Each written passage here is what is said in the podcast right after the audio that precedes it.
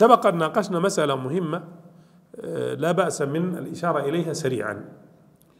ونعيدها طبعا للحاجة إليها في مثل هذه العصور حينما آه، يعني آه، أو يعني بعض الذين يشككون في الشريعة يعني شريعة الإسلام ويكون عندهم شيء من من الجهل بهذه الشريعة أو الحقد على هذه الشريعة.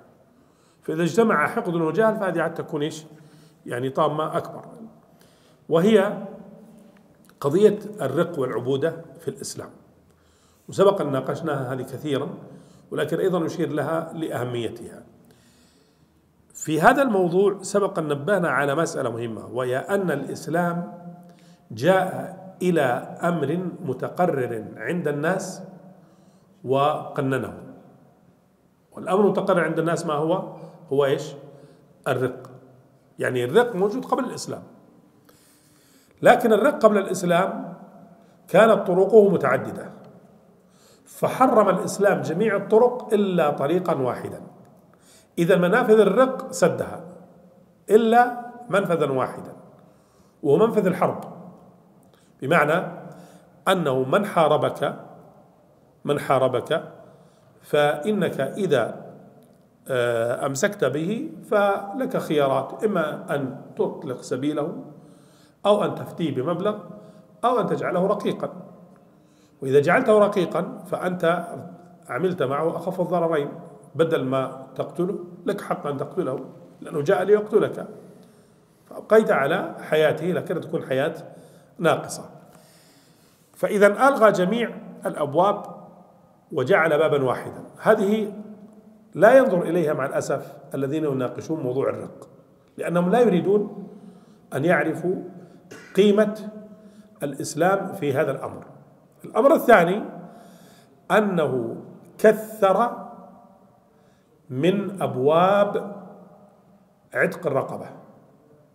كثر من أبواب عتق الرقبة بل جعلها من فضائل الأعمال.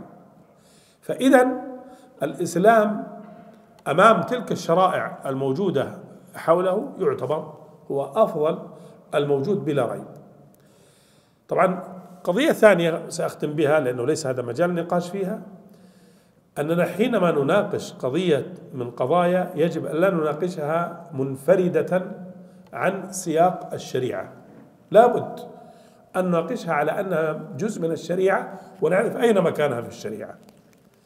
الذي يقع ما هو أن تناقش قضية الرق بنقاشات عاطفية أو بشبه تلقى دون أن يكون موضوع الرق في مكانه من جهة هذه الشريعة المتكاملة.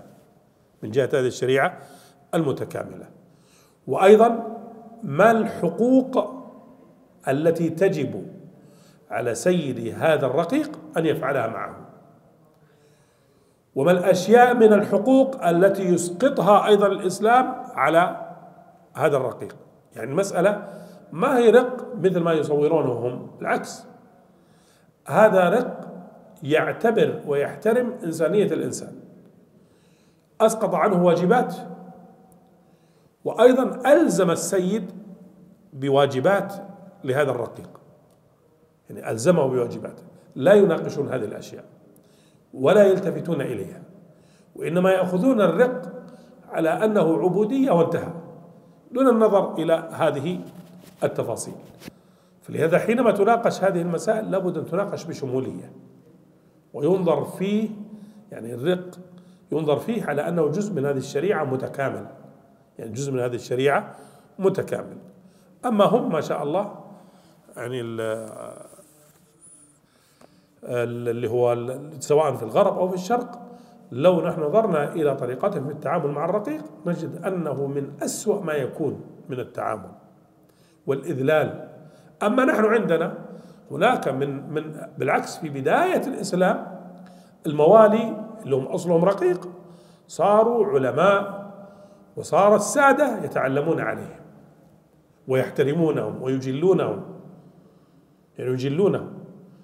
فإذا المسألة الرقيق حينما تناقش يجب أن تناقش بشمولية وأن تذكر هذه الأمثلة التي تدل على احترام الإنسان الإسلام لهذا الإنسان وإعطائه حقوق قد لا تكون عند السيد.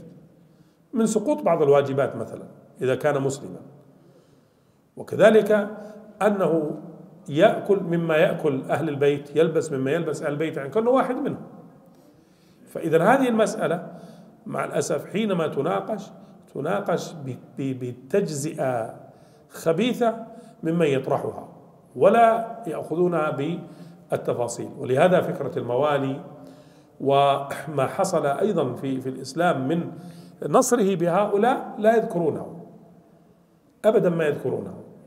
لهذا آه، يعني جر الحديث إليه آه، قول الله سبحانه وتعالى وفي الرقاب في أنه سبحانه وتعالى جعل فك الرقاب من ما آه، تعطى فيه هذه الصدقة. نعم.